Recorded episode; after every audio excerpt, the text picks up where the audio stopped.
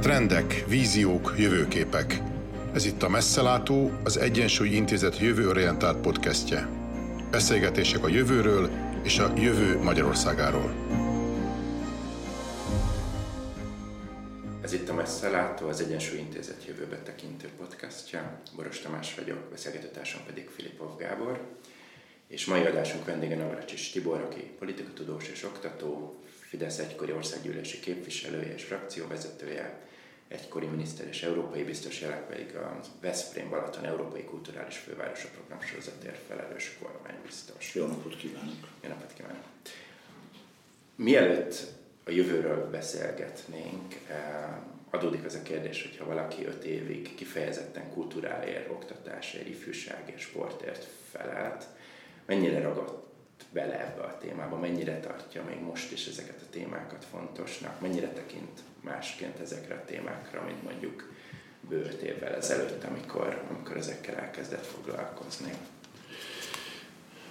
Talán nem tekintek másként, és nem is tekintettem öt évvel ezelőtt sem másként ezekre a dolgokra. A kultúra és az oktatás nekem ha lehet így fogalmazni, akkor a családból adódóan mindig is nagyon fontos volt, függetlenül az éppen aktuális politikai pozíciómtól, vagy, vagy, vagy attól a, a helyzettől, amiben éppen voltam. Részben ennek volt az oka az is, hogy amikor 2010 és 2014 között közigazgatási és igazságügyi miniszter voltam, akkor például a külföldi kulturális intézeteket a tárcához vontam, és egy nagyon jelentős fejlesztést hajtottunk végre. A kormányon belül is nem kis berzenkedés kiváltva ezzel, például Szőcs Géza, akkori kulturális államtitkár mindig élénken tiltakozott az ellen, hogy hogy lehet az, hogy a külföldi kulturális intézetek nem ő hozzátartoznak. És részben ezért volt számomra egy, egy jó választás, meg a második választás is volt az Oktatás Kultúra Ifjúság Sport mintárca, mert, mert a családi indítatásomból adódóan meglehetősen otthonosan mozogtam benne. És ezzel most is így vagyok, nem hiszem, hogy a kultúra iránt valahogy is elveszíteném az érdeklődésemet. De ez a másfajta perspektíva, ami azért mégiscsak több éven keresztül áthatotta az életét, az megváltoztatja azt, hogy az ember a saját hazájának mondjuk az oktatási területére tekint, vagy a kulturális területére? Vagy csak egy munka volt, amit letudott az ember, és aztán... Nem, nem, ár, árnyalati különbségeket nyilvánvalóan okozott, más valamit belülről látni, és a részese lenni egy rendszernek, és, és más kívülről látni, amikor ráadásul egy olyan, egy olyan pozícióba kerül az ember, ahol, ahol több más oktatási rendszert is össze tud hasonlítani. Majdnem azt mondtam, hogy 27 más oktatási rendszert is, hiszen még 28 tagja volt az Európai Uniónak, de ennél valójában sokkal többről van szó, hiszen például Spanyolország, némileg Olaszország, Németország esetében az oktatás ügy nem szövetségi szint, vagy nem állami szint, vagy hogy nevezzem, hogy a magyar hallgatók számára ez ez érthető legyen, hanem tartományi szint vagy, vagy regionális szint. Tehát valójában, amikor az Európai Unión belüli oktatási rendszerekről beszélünk, akkor nem 27-28 oktatási rendszerről, hanem kb. 50 oktatási rendszerről beszélünk. És hogyha az ember maga mögött hagyja a biztosi pozíciót, és visszatérhet a saját nemzetállami érdekképviseletéhez, ami 5 évig tilos volt elméletileg, akkor visszatekintve mennyire fogható fel ötletbőrzeként egy ilyen tapasztalat, vagy mennyire lehet ötleteket gyűjteni más országoknak a, az oktatásügyi tapasztalataiból? Hogy az az öt év mennyire volt ötletbőrze? Ez az öt év egy nagyon, egy nagyon-nagyon hasznos, és, és nem, nem cinikusan, meg, meg nem is pejoratíve akarok fogalmazni, de egy nagyon-nagyon hasznos tanulmányi időszak volt számomra. Öt éven keresztül látni, a, a, a különböző oktatási rendszereket, és ugye a, a, a szakpolitikai jellegéből adódóan nekem más karakterű munkám volt, mint mondjuk egy versenypolitikai biztosnak például, aki, aki fölé van rendelve a tagállamoknak, döntéseket hozhat, büntethet tagállamokat, és a többi, és a többi.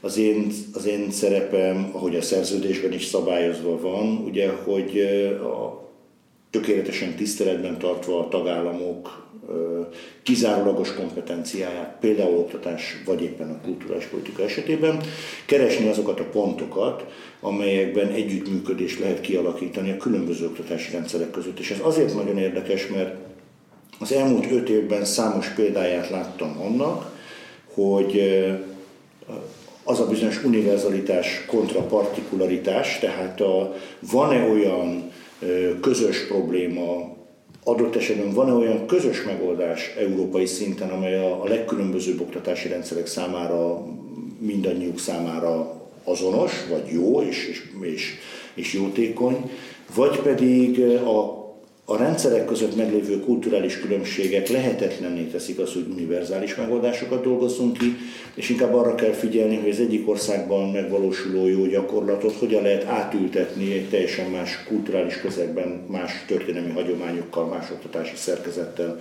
rendelkező ország oktatási rendszerébe. És ez egy hihetetlenül inspiratív szellemi feladat volt, hiszen egyrészt egy politikai feladat, az oktatási minisztereket, vagy éppen a kulturális minisztereket. Meg kellett arról győzni, hogy eh, tudunk úgy európai szinten együtt cselekedni, hogy ez nem sérti az ő saját mozgásterüket és a saját oktatási rendszerük autonómiáját, másrészt pedig azt nézni, hogy merre felé megy a világ, milyen problémák vannak, milyen megoldások születnek erre, és ezt hogyan lehet európai szinten esetleg közkincsé tenni, vagy, vagy közhasznúvá tenni. Mindjárt visszaadnám Tamásnak a szót, csak most egy olyan kérdésnél vagyunk, ami engem nagyon-nagyon izgat. A, a Válaszolánynak a podcastjében mondta azt, hogy a nyugat-európai politikai és intézményi kultúrában még akár a Karolin korszaknak a mintáit is felfedezni véri, ami egy olyan szemléletre utal, hogy, hogy van egy hosszú távú útfüggőség, ami gyakorlatilag kijelöli országoknak a pályáját, nem lehet csak úgy szervetlenül belenyúlni és megváltoztatni a társadalomnak a szöveteit, vagy az intézményeknek a szöveteit. Hogyan látja, mint politikus, aki mégiscsak a hazája sorsát alakítja, hogyan látja a, egy ország történelmi pályájának, az alakíthatóságának a kérdését ebben a feszültségkeretben, tehát a cselekvés és a strukturális meghatározottságok, ha úgy tetszik. Hát ugye a közép-európai, a közép-európai országok, vagy közép-európai nemzetek történelmi íve azért ez egy sokszorosan megtört történelmi ív más, mint mondjuk egy, e, más, más mint egy, egy francia, vagy akár, akár még azt is megkockáztatom, hogy egy német alföldi, hiszen itt nálunk a 20. században is többször megtört ívekről van szó. Ez különösen nehézé teszi az oktatási rendszeren belül is, amikor reformokról gondolkozunk, akkor, akkor megtalálni azokat a azokat a, a történelmi előzményeket, amelyek már annyira szervesültek, hogy azt mondhatjuk, hogy része a magyarság mondjuk így kulturális alkatának, bármilyen borzasztóan is hangozhat ez, vagy nemzeti karakterének, és éppen ezért érdemes rá építeni, vagy pedig mind a mai napig megmaradt egy szervetlen zárvány, egy valami rosszul sikerült modernizációs kísérlet, ami inkább csak akadályozta, vagy adott esetben rontotta is a, a helyzetet, ahelyett, hogy javított volna. Ez, ez nagyon nehéz, és ebből a szempontból, és ez nem csak az oktatásra vonatkozik. Például, amikor közigazgatási és igazságügyi miniszter voltam, akkor, akkor életre hívtam egy olyan V4 plusz 2-es egyeztetési fórumot, amelyben a visegrádi négyek igazságügyminiszterei mellett a, a szlovének és a horvátok is részt vettek és nagyon hatékonyan tudott működni, mert amikor igazságügyi megoldásokról beszéltünk, akkor tulajdonképpen volt egy olyan közös pont, az osztrák jog és az osztrák jog öröksége, ami dacára a szocializmusnak, dacára a független nemzetállamiságnak, de mégis az, alapjog, az alapvető jogintézmények tekintetében egy, egy közös értelmezési alap lehetőségét kínálta, és egy kicsit az oktatási rendszerekben is ez van. A közép-európai országok sokkal könnyebben meg tudják feleltetni egymásnak a struktúrákat, adott esetben a problémákat is, mint mondjuk egy magyar és egy francia ö, oktatási szakember. És aztán ugyanez van Nyugat-Európában is, tehát egy, hogy akkor visszatérünk, egy Karolin udvarhoz valaha tartozott ö, nemzet vagy kultúra, nyilvánvalóan sokkal könnyebben ráismer a hasonló struktúrákra, legyen szó egy francia, belga, német, délnémet együttműködésről, hiszen az is nagyon érdekes, hogy Németországon belül az egyes, mivel tartományi hatáskörben van az oktatási rendszer, a, nagyon szépen kijön az oktatási rendszeren belüli nagy vonalakban a, a német kulturális különbségek is. Egy inkább porosz felé hajló, egy inkább francia felé hajló, rajnavidéki, és a többi, és a többi. Tehát sokkal sokszínűbb ilyen értelemben Európa kulturális térképen, még az oktatási politika vonatkozásában is, mint amit innen nézve mi látni szoktunk.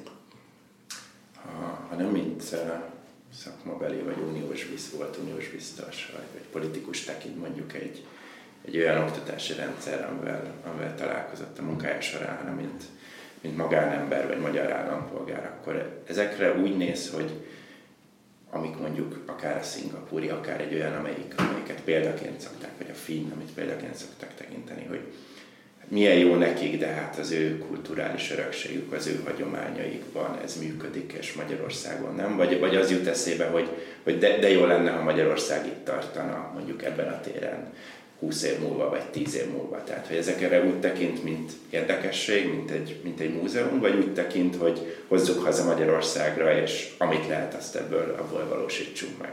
Kettő között engem az ilyenkor mindig az érdekel, hogy mi az a finn oktatási, persze mindenki Finnországgal példálozott az elmúlt öt évben amikor pedig szakképzésről van szó, vagy volt szó, akkor mindenki a német-osztrák duális képzés. Mindenhol azt akarják bevezetni, mindenhol ugyanúgy kísérleteznek vele, és nagyon tanulságos volt látni, hogy hogyan, hogyan csúszik ki, vagy hogyan próbálják pályán tartani ezeket a reformokat. De ami engem ebben igazán érdekel az, hogy mi az a finn oktatási rendszerben, ami univerzális, és mi az, ami karakterisztikusan finn. Tehát mi az, amit, amit mutatis mutandis át lehet venni.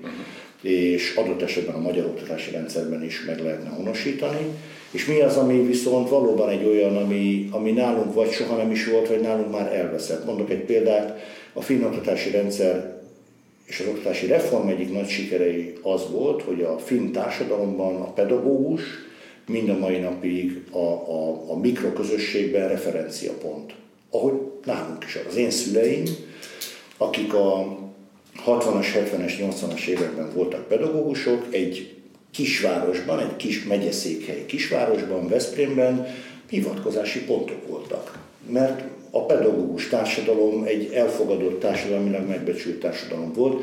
Mára ez nekem úgy tűnik, hogy ez elveszőben van, vagy el is veszett, és engem nagyon érdekel például az, hogy ez újra teremthető-e. Mert szerintem a jövő társadalma szempontjából kulcsfontosságú szereplők a pedagógusok, ők azok, akik a jövő felnőtteit bármilyen közhelyesnek is, vagy dagályosnak is tűnik, de ők, ők nevelik. Az, hogy ők milyen minőségű munkát végeznek, az a jövő nemzedékek, a jövő felnőtt nemzedékeken fog meglátszani.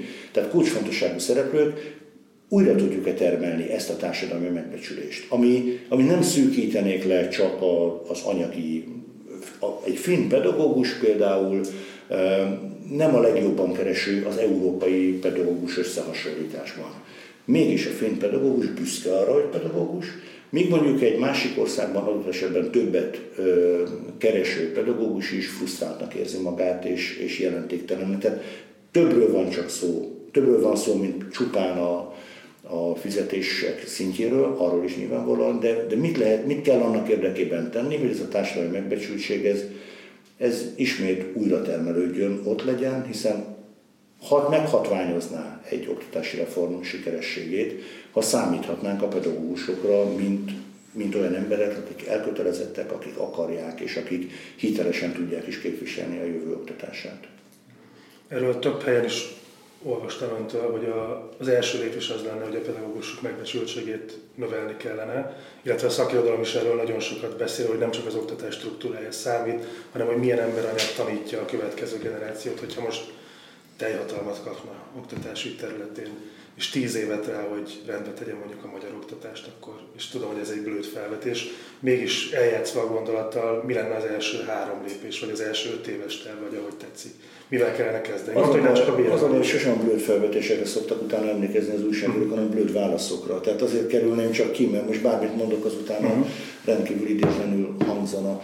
De az első az mindenképpen az lenne, valahogy annak érdekében tennék lépéseket, hogy a, tehát nem, nem biztos, hogy intézményi, intézményi lépéseket tennék, inkább a, az emberi, a társadalmon belüli emberi kapcsolatrendszert próbálnám újra teremteni. Az, ami ma pedagógus, szülő, gyermek háromszögben zajlik, az, az, egy, az egy nagyon súlyos probléma szerintem. És hogy ennek mekkora jelentősége van, azt éppen egy finn diplomata mesélte nekem, oktatás kapcsán azért nagyon, azért nagyon tanulságos volt nekem ez a történet, mert ugye egy finn, aki Portugáliába járatta a gyerekét. Ugye ez fontos tudni, hogy oktatásügyben számomra nem annyira Finnország a, és ezt biztosként is mindig elmondtam, hogy nekem nem a finn modell a példa, hanem a portugál modell, mert a portugál modellre ugyan sokkal ritkábban hivatkoznak, de Portugália az egyetlen ország, amely az elmúlt 20 évben, amióta PISA felmérést végeznek, évről évre javított, mindig javított egy kicsit. És én valahol itt, itt látnám az oktatási rendszer alapzatát. Tehát ez, ez feltételez valami olyat, ami talán nem, nem politikai konszenzus, hanem társadalmi konszenzus lehet, ami, ami, ami lehetővé teszi, hogy szívós, apró munkával jussanak előrébb, függetlenül attól, hogy milyen kormányban, milyen gazdasági helyzet, és a többi, és a többi.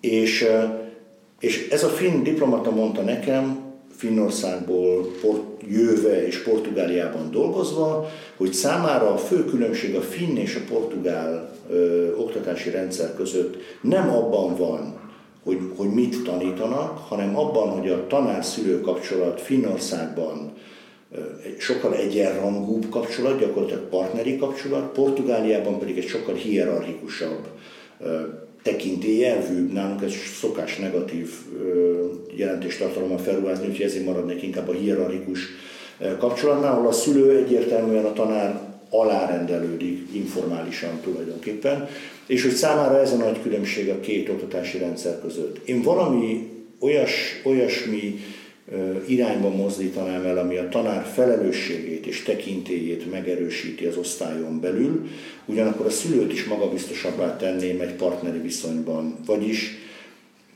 ne, ne az a, a, a, ma, a mai magyar oktatási rendszerben a tanár is bizonytalan és a szülő is bizonytalan. Senki sem biztos abban, hogy a gyereket beküldi az osztályterembe, akkor ott a legjobb embertől a legjobb tudást kapja meg, és a tanár sem te, lehet teljesen biztos abban, sajnos, hogyha a gyerek hazamegy, akkor otthon a szülő lelkiismeretesen ö, dolgozik a gyerekkel, hogy a következő napra felkészítse. És ebből adódik egy általános bizonytalanság és egy ilyen fajta izgékony hangulat, ami, ami rendszeresen konfliktusokban sül ki, én úgy gondolom, hogy meg kell erősíteni a tanárok pozícióját, és, és óriási bizalmat kell fektetni a tanárokba, hogy, hogy ők azok, akik azért ott vannak, mert ők tudják a legjobban azt, hogy mit kell és hogyan kell megtanítani a gyerekeknek.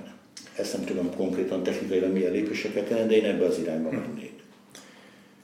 Van egy-két olyan modell, meg, meg a szakirodalom egy része beszél arról, ami, ami egyfajta ilyen versenyhelyzetet vinne be úgy az oktatásba és a tanárok körébe, hogy a tanárokat kezdjük el versenyeztetni, tehát hogy legyen folyamatos eh, minőségmérés, különböző helyeken tanítsanak, ne egy helyen maradjanak, tehát hogy, hogy, hogy a verseny szemléletet, vagy mondhatjuk úgy, hogy a piaci szemléletet vigyük be az oktatásba és, és a tanári szemléletbe. Nem tudom, hogy ez, ez főleg a, a már említett Szingapurban jellemző, nem tudom, hogy ez ön szerint Európában, vagy szűkítsük le Magyarországon, ez egy működő modell lehet, kulturálisan ez nagyon távol áll tőlünk, nem is tartja hatékonynak.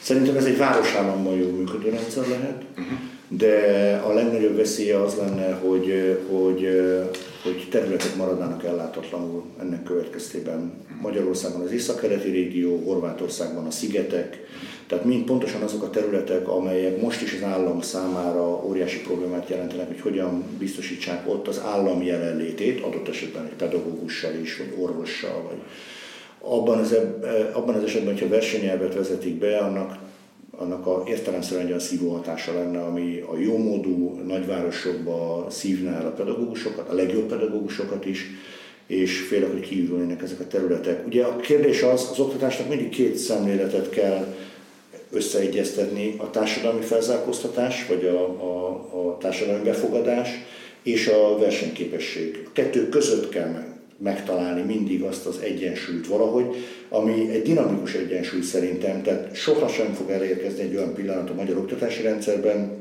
amikor azt mondjuk, hogy tökéletesen belőttük azt a megoldást, ami egyben kellőképpen felzárkóztat, és egyben versenyképes is, mert a kettő között bizonyos fokig van egymást kizáró viszonyrendszer. Tehát én úgy gondolom, hogy időről időre picit módosítani kell, és ilyen értelemben a verseny, megvan a versenynek is a maga szerepe, de összességében az oktatás, mint, mint, mint nagy rendszert én nem a, a versenyre alapoznám. Hogyha egy lépést hátralépünk és távolabbra tekintünk, akkor uh, hova sorolná önmagát a technológiai optimisták vagy a technológiai pessimisták közé, akkor, hogyha az oktatásnak a területét nézzük. Tehát, hogyha felteszik a kérdést, hogy a mai trendek, beleértve az elmúlt hónapoknak a távoktatási tapasztalatait Európa szerte és Magyarországon nézzük, hogyan képzeli el 10 év múlva vagy 15 év múlva az oktatást. Akár a tanárok szerepének az átértékelődésének a szempontjából is. Hát itt az embernek a szíve meg az esze az némileg külön mozog, mert meg kell mondjam, hogy most ugye, mint, mint egyetemi oktató szembesültem azzal, hogy, hogy az összes órám online lesz, most is, szeptembertől, és, és amikor erről értesültem, akkor mélységesen elkeseredtem, és pontosan azon gondolkoztam, hogy így, így nincs értelme. Tehát én, én világéletemben bármilyen pozíciót is betöltöttem, megtartottam az egyetemi óráimat éppen azért, mert, mert, mert nagyon szeretem az előadást, a szemináriumot, a hallgatókkal való interakciót, amit az online kapcsolatrendszer számomra nagyon sivárá tesz. Észben el tudom képzelni, hogy maga a technológiai fejlődés az el fog hozni egy olyan oktatási rendszert, amikor az eddigieknek sokkal, sokkal szélesebb skálán érvényesülnek az úgynevezett korszerű vagy legkorszerűbb oktatási módszerek, és ez, ez bizonyos fokig tudja pótolni a, a hagyományos oktatást, de a szívem az a hagyományos oktatásnál van. Tehát az oktatás az nem csak ismeretátadás, hanem közösségi lét is. Osztályteremben, osztálytársakkal, az osztálytársak és a tanár közötti kapcsolat, a szünetek, minden, amit, amit a, az élet természetes velejárójának tartunk, és óriási, csak visszagondolva a diákévekre óriási jelentősége van, hogy kinek milyen tanárai voltak, milyen osztálytársai voltak, milyen épületbe járt iskolába, milyen fizikai terek álltak rendelkezésre. Ezek mind elvesznének szerintem egy, egy optimalizált online oktatásban is.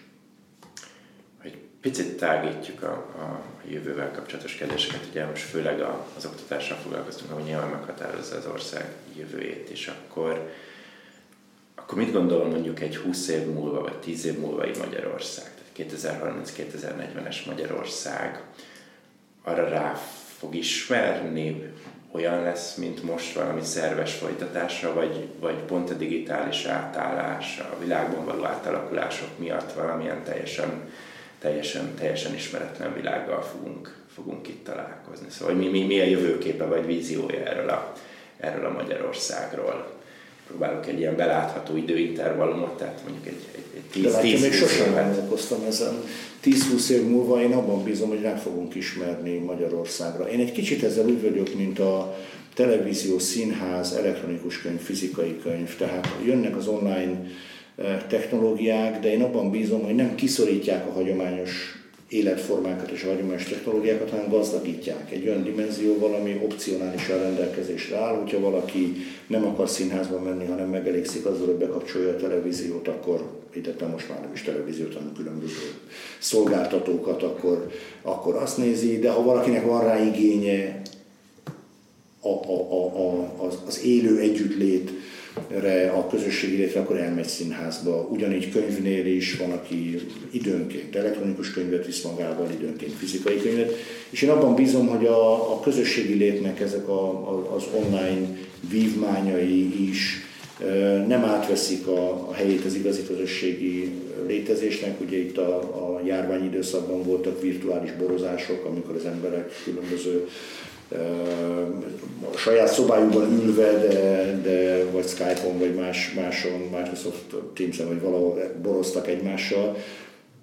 Ez is jó, biztos, poénnak jó, de emellett megmarad az a lehetőség is, hogy a sarki kocsmába azért lemenjenek és ott találkozzanak. Tehát én, ha optimista vagyok, akkor a technológiai fejlődésben nem egy őrségváltást látok, hanem inkább egy lehetőségbővülést, ami megtartja a régi, hagyományos formákat is, de gazdagítja az új formákkal az emberi létet. És ez nem rejt magában valamilyen fajta kettészakadást, akár jövedelmi alapon, akár technológiai írás tudás alapján? Tehát, hogy teljesen más életélmények jutnak majd, még a mostaniakhoz képest is az ország egyik felében élőknek, mint a, vagy pedig a kis településen élőknek és a nagyvárosban élőknek. De, de, de ez a napjainknak is része. Szerintem arra kell, mindig lesz kettészakadás. Egy idegen nyelven beszélő, vagy több idegen nyelven beszélő ember számára sokkal több lehetőséget rejteget az élet Magyarországon kívül is, mint egy a saját lakóhelyét soha el nem hagyó ember számára. Arra kell ügyelni, hogy ezek, ezek a, a sok kis kettészakadás, ez ne álljon össze, ne, ne üssék egymást a, a társadalmi szakadékok, ne épüljenek egymásra, és ne, így ne szakadjon súlyosan ketté a, a társadalom. Nyilván ennek is megvan a veszélye, mint minden technikai újabb, újabb fázisnak és újabb lépésnek, ami átalakítja és újra csoportosítja egy kicsit a társadalmat, de, de én úgy gondolom, hogy, hogy nem eredményez teljes izolációt. Önmagában most a járvány és az oktatásban is nagyon-nagyon komoly társadalmi problémákat vet fel, például Franciaországban, hogy nem Magyarországot mondjam, ahol teljesen más életlehetőségei adottak az elmúlt fél évben annak a gyereknek, akinek a szülei megengedték, megengedhették maguknak, hogy otthon maradjanak. Volt digitális eszközük, sőt az apa vagy az anya el tudta magyarázni a gyereknek, adott esetben az arab anyanyelvű családon belül a gyereknek, hogy mi a feladat és hogyan kell megoldani, és azoknál a családoknál, ahol a gyerek teljesen magára maradt, és digitális eszköz hiány, vagy éppen a francia nyelv megfelelő értése hiány nem tudta tartani a tempót. Ez Franciaországban egy óriási problémát jelent az oktatásügyben. Kell-e pót felzárkóztatást tartani ezeknek a társadalmi csoportoknak, illetve mit hoz a következő fél év, lesz-e ismét egy olyan karantén, aminek következtében valóban már az oktatásban is ketté szakad a társadalom. Ha, ha maradunk ennél a, hogy, hogy hogy fog kinézni az ország 15-20 év múlva víziónál, akkor mi az, amit, amit azt gondolja, hogy az oktatásban a legnagyobb változás lesz, ami eléri Magyarországot is, most tényleg egy hosszabb távolról beszélünk. Ez lehet szó kifejezetten valamilyen technikai változásról, tehát egy digitalizáció lehet egy, egy strukturális váltásról, de hogy mi, mi az, ami, ami akár hát is választhatjuk, hogy mi az, amit ön szeretne, hogy, hogy mondjuk 20 év múlva eléri a magyar oktatást, és mi az, ami, ami, ami kényszerűen el fogja érni. Tehát mondjuk megszűnnek-e a tantárgyak, megszűnik-e az iskola, mint fizikai objektum, mi, mi az, amire azt gondolja, hogy, hogy mondjuk egy ilyen időtávon már megváltozik ebben az országban.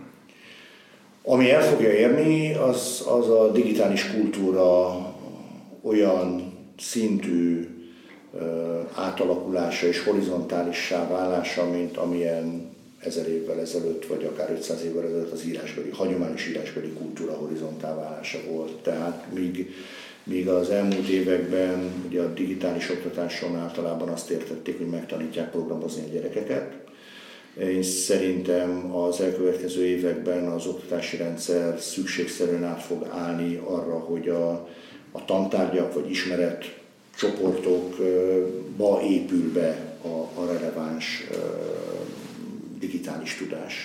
És, és, és ezzel együtt a digitális oktatási eszközök is sokkal szélesebb körben jelennek majd meg az, az oktatásban, az oktatás során.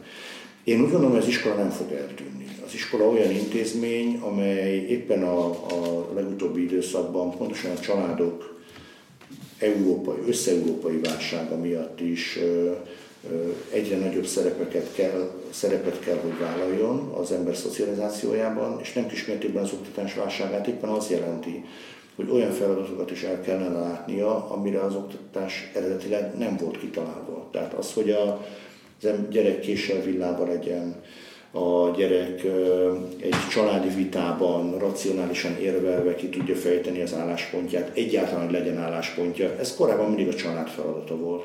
Amióta a családokban sokkal kisebb időt töltenek a szülők a, azzal, hogy beszélgetnek, és az úgymond állandóan élményt ajándékoznak a gyerekeiknek, és ezáltal nincs lehetőség arra, hogy egy csendes estén beszélgessenek, megbeszéljék, olvasni való napi eseményeket és a többi.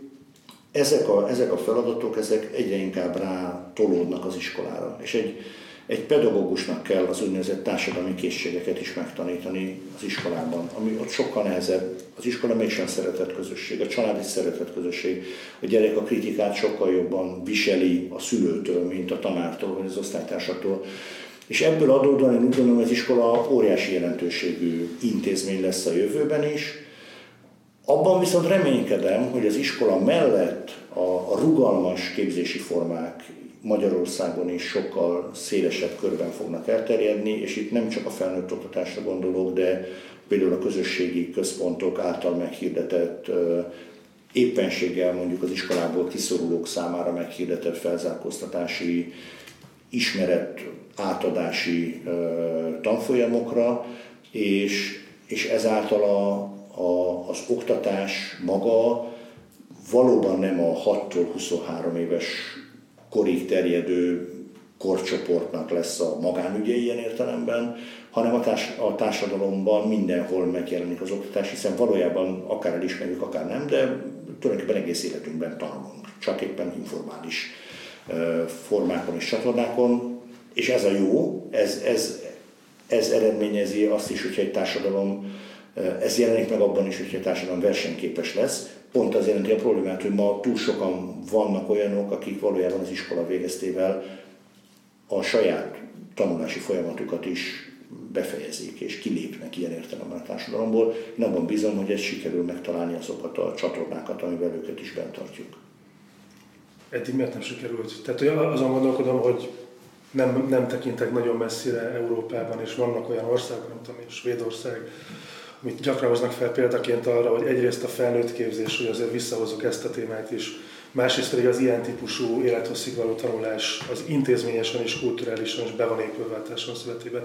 Annak mi lehet az oka, hogy Magyarországon, miközben erről sokat hallunk nagyon-nagyon-nagyon régóta, a mai napig nem lehetett ezt megcsinálni. Forráshiány, rossz intézmények, nemzeti karakter, mi lehet itt a fő probléma, amivel szembesülünk? Voltak azért sikeres kísérletek. A szocializmushoz köthető a, a, az esti gimnáziumok, tehát dolgozó önálló gimnáziuma talán, a SET, ami ugye a szakmunkások számára tette lehetővé egy gyorsított érettségi megszerzését, és aztán az egyetem elvégzését. Nekem voltak úgynevezett szetes csoportársaim az egyetemen, csak abban az időszakban még megfelelő volt, ugye az egy alapvetően intézményközpontú megoldás volt, létrehoztak iskolákat, és oda, oda járatták az embereket, kaptak munkaidőkedvezményt, és a többi, és a többi.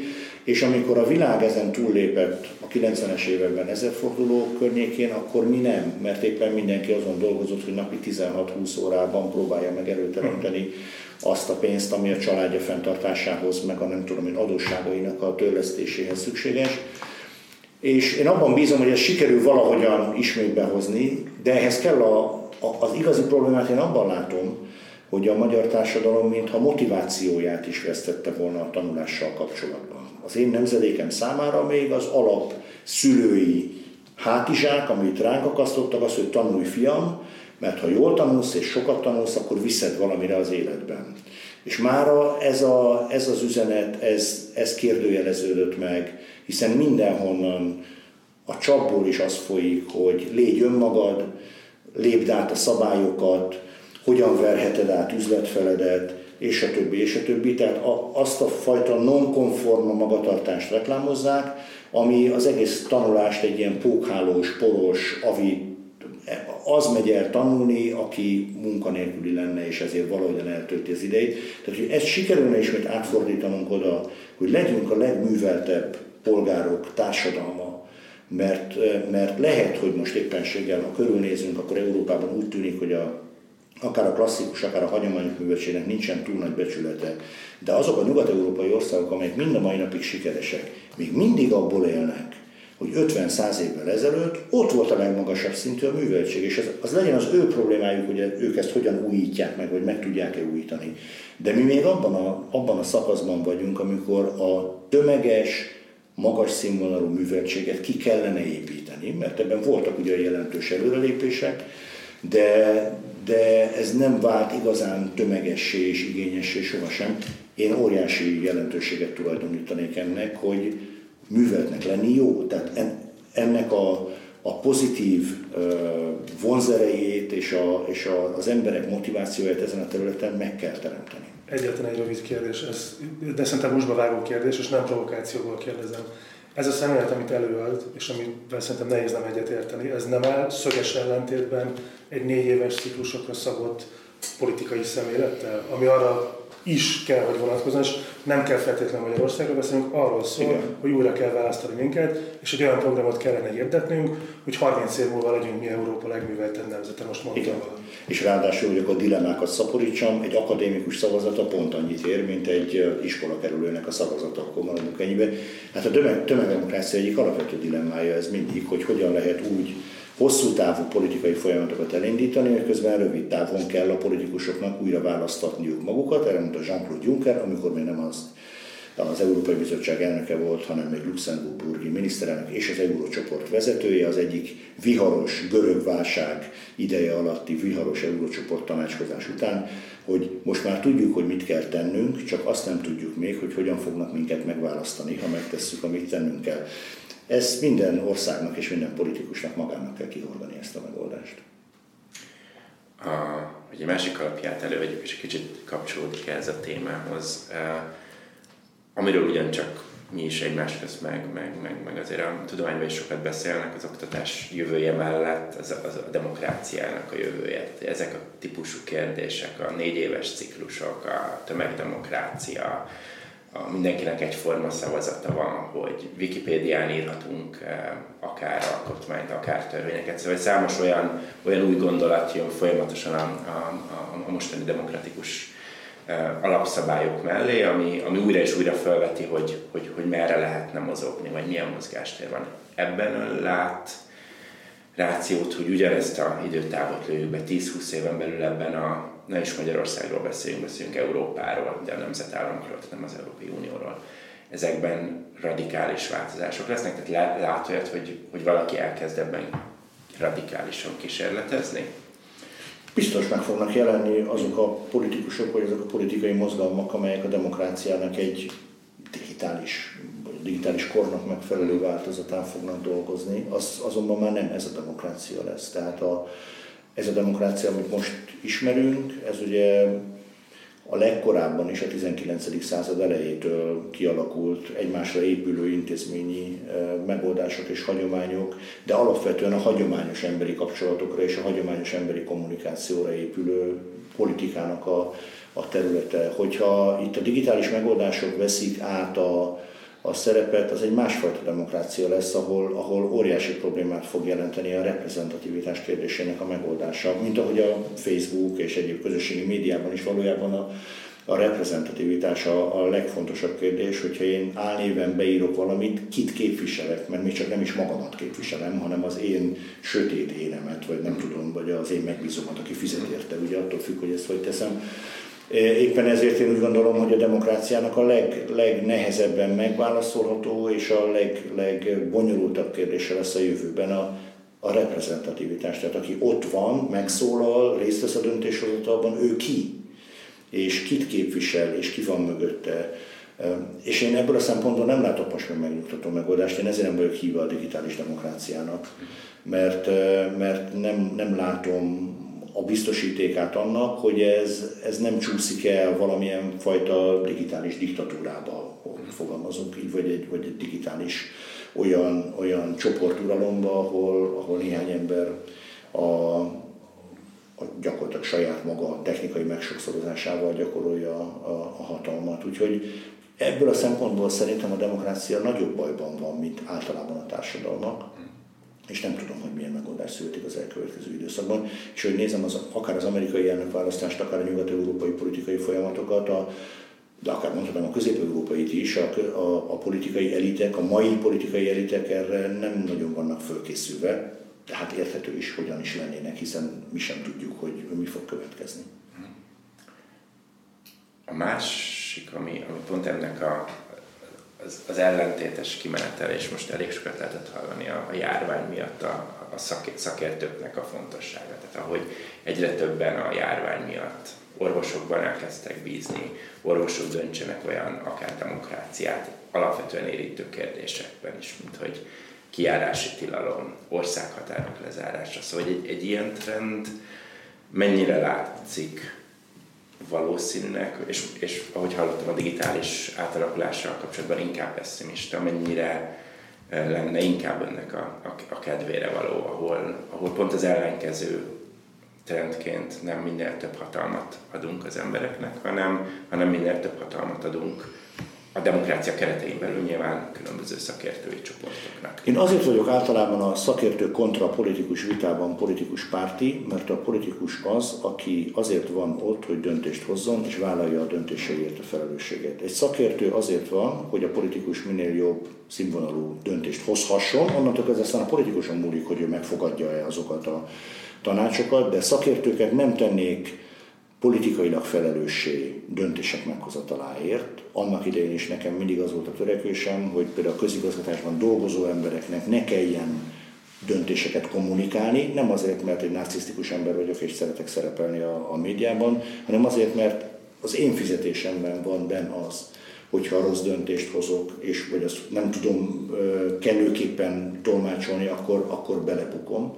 És hasonlóképpen úgy gondolom, hogy a politikusok azért vannak, nincs ugyanis olyan, nincs olyan, vagy nagyon ritka az a helyzet, amikor egy akár szakértő által kidolgozott döntés is csak egyetlen alternatíva nélküli döntés lenne. Majdnem minden esetben a szakértők is olyan döntést hoznak, hogy van A, B és C választási lehetőség, és ott viszont már valami alapján dönteni kell, mert valaki jó jár, valaki rosszul jár, olyan döntés sem nagyon van, hogy mindenki jól jár vele, mindig lesznek olyanok, akik, akik nem járnak jól vele, vagy kifejezetten rosszul járnak vele, és ezeknek a döntéseknek a meghozatalára kell a politikus, aki vállalja azt a döntést, hogy ő jól jár, ő meg nem jár jól, és sok, sok esetben nem is csak azért, mert ezzel szimpatizál, azzal, mert nem szimpatizál, hanem egyszerűen különbséget kell tenni, lélegeztetőgépre föltenni valakit, vagy nem föltenni. Ez egy politikai döntés, ez persze ott az adott helyzetben az orvosok hozzák meg ezt a döntést, de egy eminensen politikai döntés,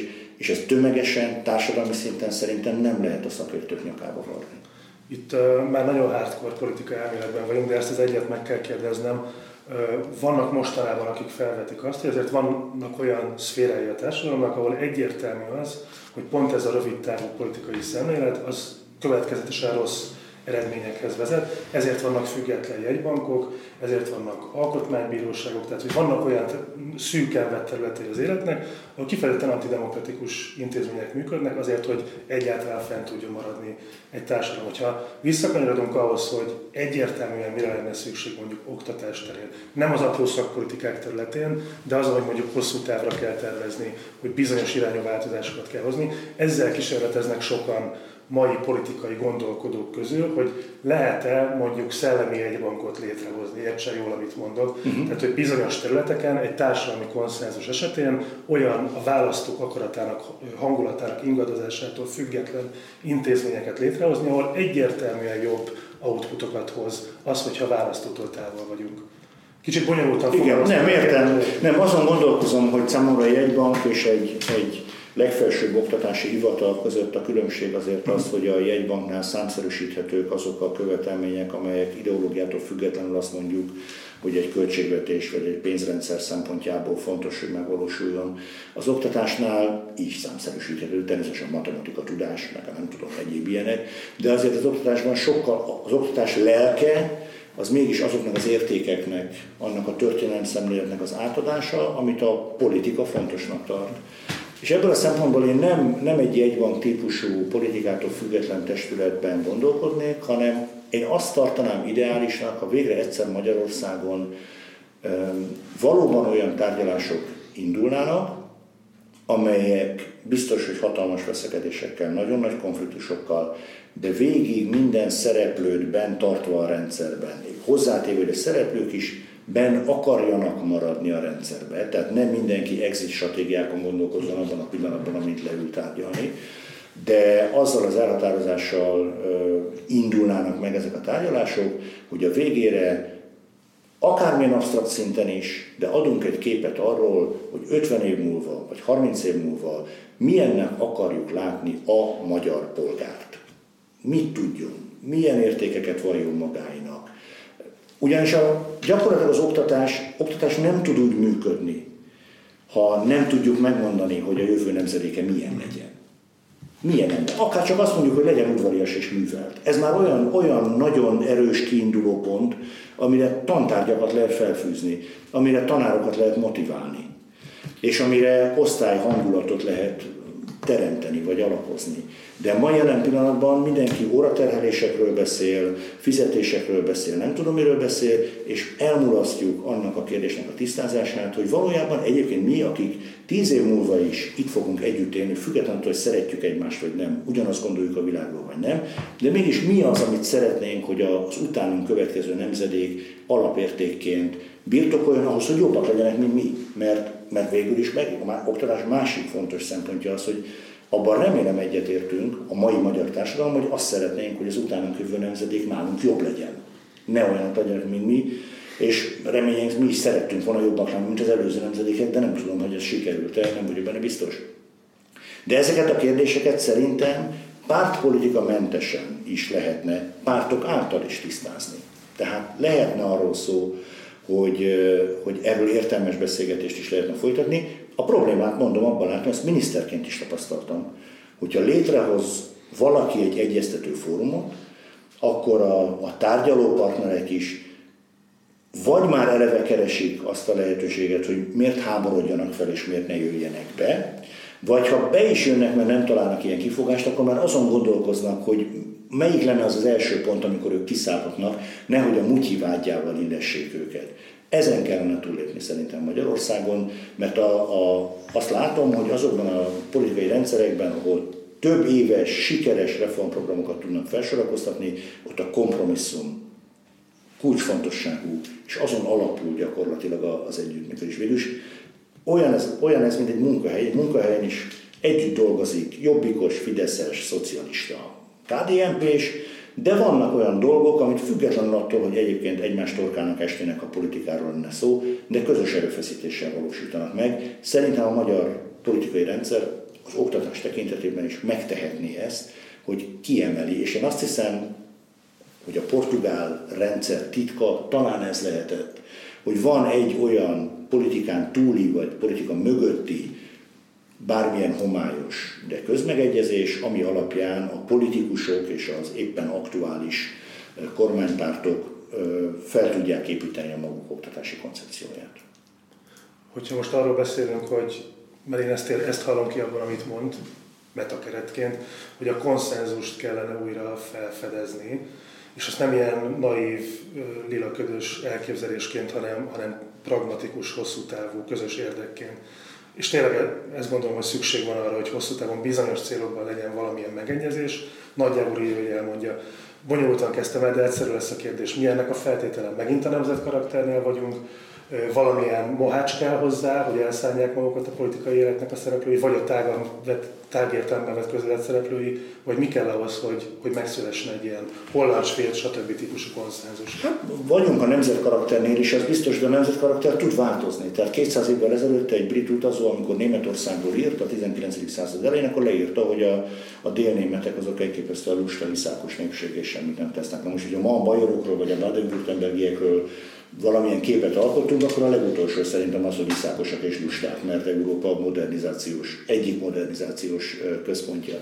Tehát ez változhat is. Én azt mondanám, hogy jó, a jó hiszeműség, ami uh, ugyanúgy, mint ahogy az udvariasság a, a hétköznapi életünkből hiányzik. A, az, a, az a jó hiszeműség, amiből adott esetben talán más országokban meg túl sok is van, és ezért megvetően naívaknak, meg, meg, meg álszenteknek tartjuk őket, de egy kicsivel, csipennyivel több jó hiszeműség nekünk nagyon jót tenne, a, nem csak a politikai életben. Én mindig úgy vagyok hogy ami a politikában megjelenik, az nem elszigetelten ott jelenik meg. Tehát nem a politikusok összeesküvésének vagyunk a tanúi.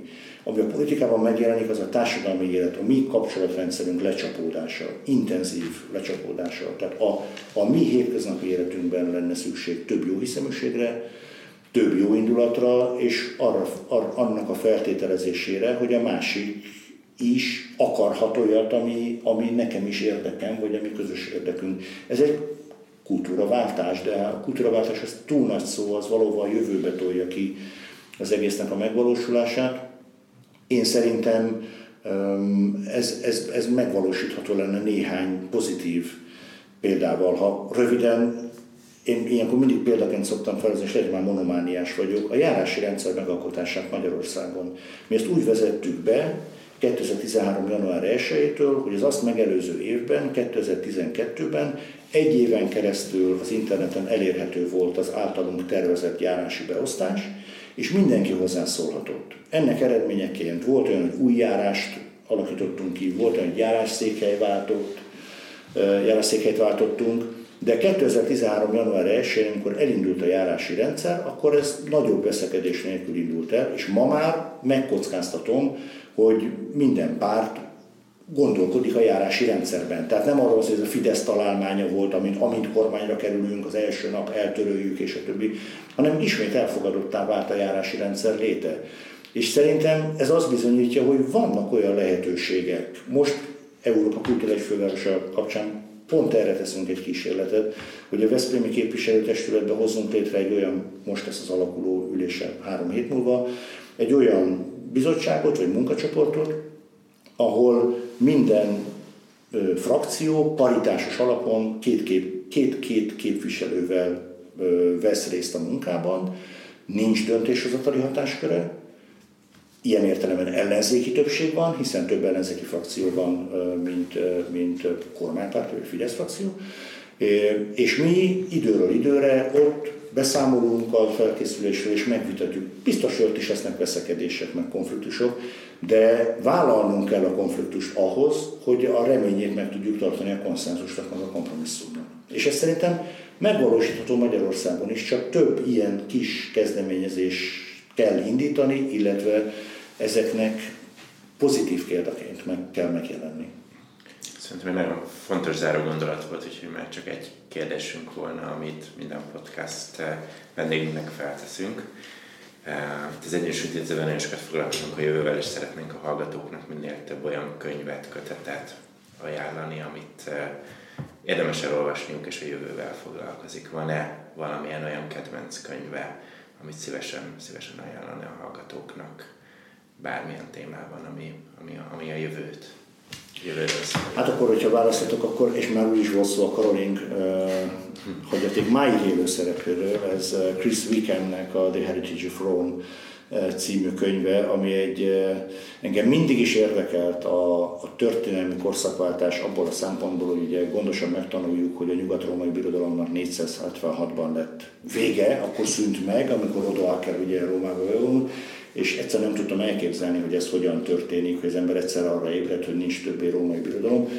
Ez a könyv pontosan azt mutatja be, hogy a római birodalom öröksége hogyan nőtt át a koraközépkori nyugat-európai társadalmakba, és hogyan alakultak ki azok a politikai hagyományok, tradíciók, kulturális minták, amelyek mind a mai napig befolyásolják a nyugat-európai politikai fejlődést, kicsi áttételesebben, de a miénket is.